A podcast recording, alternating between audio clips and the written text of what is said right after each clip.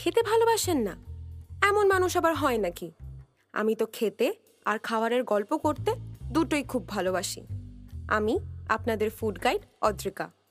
আমার সঙ্গে আপনারাও যদি বিভিন্ন ধরনের খাবারের স্বাদ পেতে চান লিস্ট তৈরি করে ফেলতে চান নেক্সট কোথায় কোন খাবারটা খেতে যাবেন, তাহলে মিস করবেন না কথকে প্রতি সপ্তাহে আমার সঙ্গে খানাপিনা।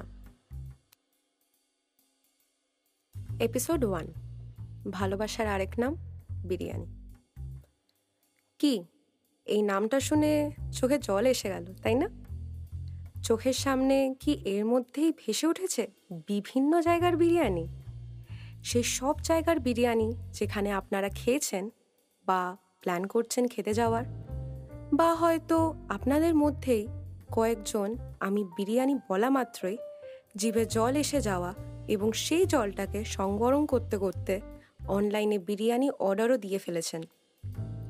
তবে, আপনারা কি জানেন, এই বিরিয়ানি শব্দটা এসেছে পার্সিয়ান শব্দ বিরিয়ান থেকে, যার মানে ফ্রাইড বিফোর কুকিং অর্থাৎ রান্না করার আগে ভেজে নেওয়া।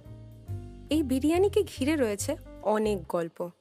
কেউ বলেন থার্টিন নাইনটি এইটে কঙ্করের অফ তুর্ক মঙ্গল বিরিয়ানিকে ভারতে নিয়ে আসেন। আবার কেউ বলেন আরব ব্যবসায়ীরা ভারতের দক্ষিণ মালাবার উপকূল থেকে বিরিয়ানিকে নিয়ে আসেন। আবার এও শোনা যায় যে দক্ষিণ ভারতের খাবার উন সরুর সঙ্গে বিরিয়ানির নাকি অনেক মিল পাওয়া যায়, যার উল্লেখ নাকি রয়েছে তামিল সাহিত্যেও। এত ধরনের বৈচিত্র্যময় গল্পের মধ্যে সবচেয়ে বেশি এবং সবচেয়ে সত্যি বলে যেটা মানা হয়, সেটা হচ্ছে বেগম মুমতাজের গল্প। বলা হয়ে থাকে মুমতাজ বেগম একদিন সম্রাট শাহজাহানের সেনা শিবিরে গিয়ে দেখেন তার সৈনিকেরা বেশ দুর্বল হয়ে পড়েছেন। আর তৎক্ষণাৎ মুঘল বাবরচিকে বেগম হুকুম দেন কিছু সুস্বাদু ও পুষ্টিকর খাবার তৈরি করে আনতে। আর ব্যাস, এরপরই উদ্ভাবন হয় অধিকাংশ খাদ্য রসিক, ইংরাজিতে বলা হয় যেটাকে ফুডি, তার স্বপ্নের বিরিয়ানি। আচ্ছা এই বিরিয়ানি কলকাতায় এলো কীভাবে?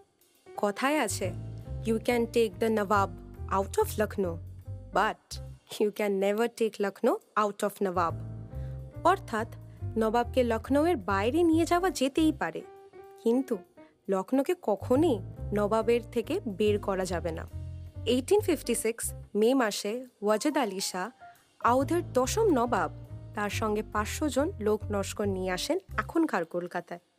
আর এসে ওঠেন এখনকার কলকাতার মেটিয়া বুরুজ একদিন নবাবের বিরিয়ানি খাওয়ার ইচ্ছে হলে তার বাবুর্চি হুকুম মতন বানিয়ে দেন বিরিয়ানি। কিন্তু এই বিরিয়ানি ছিল লখনৌ বিরিয়ানির থেকে অনেকটাই আলাদা আর অনেকটাই অন্যরকম। কেন? কারণ এই বিরিয়ানিতে ছিল আলু আর ডিম। শোনা যায়, কলকাতায় আসার পর নবাব আর্থিক দিক থেকে অনেক ক্ষয়ক্ষতির মধ্যে পড়েন। আর তাই তার হুকুম মতন বিরিয়ানি তৈরি হলেও সেখানে অবস্থার ফেরে মাংসের বদলে বাধ্য হয়ে ব্যবহার করা হয় ডিম আর আলু।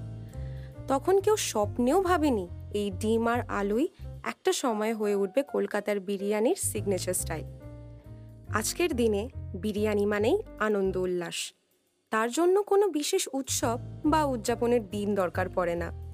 বিরিয়ানি এলেই যেন দিনটা হয়ে যায় সেলিব্রেশনের মনে করা হয় বিরিয়ানির আসল বয়স তার ইতিহাসের থেকেও বেশ কয়েক বছর পুরনো। ইতিহাস, গল্প, যাই থাক, আমাদের কাছে বিরিয়ানি প্রিয় খাবারের তালিকায় রয়ে যাবে আগামী অনেক অনেক বছর।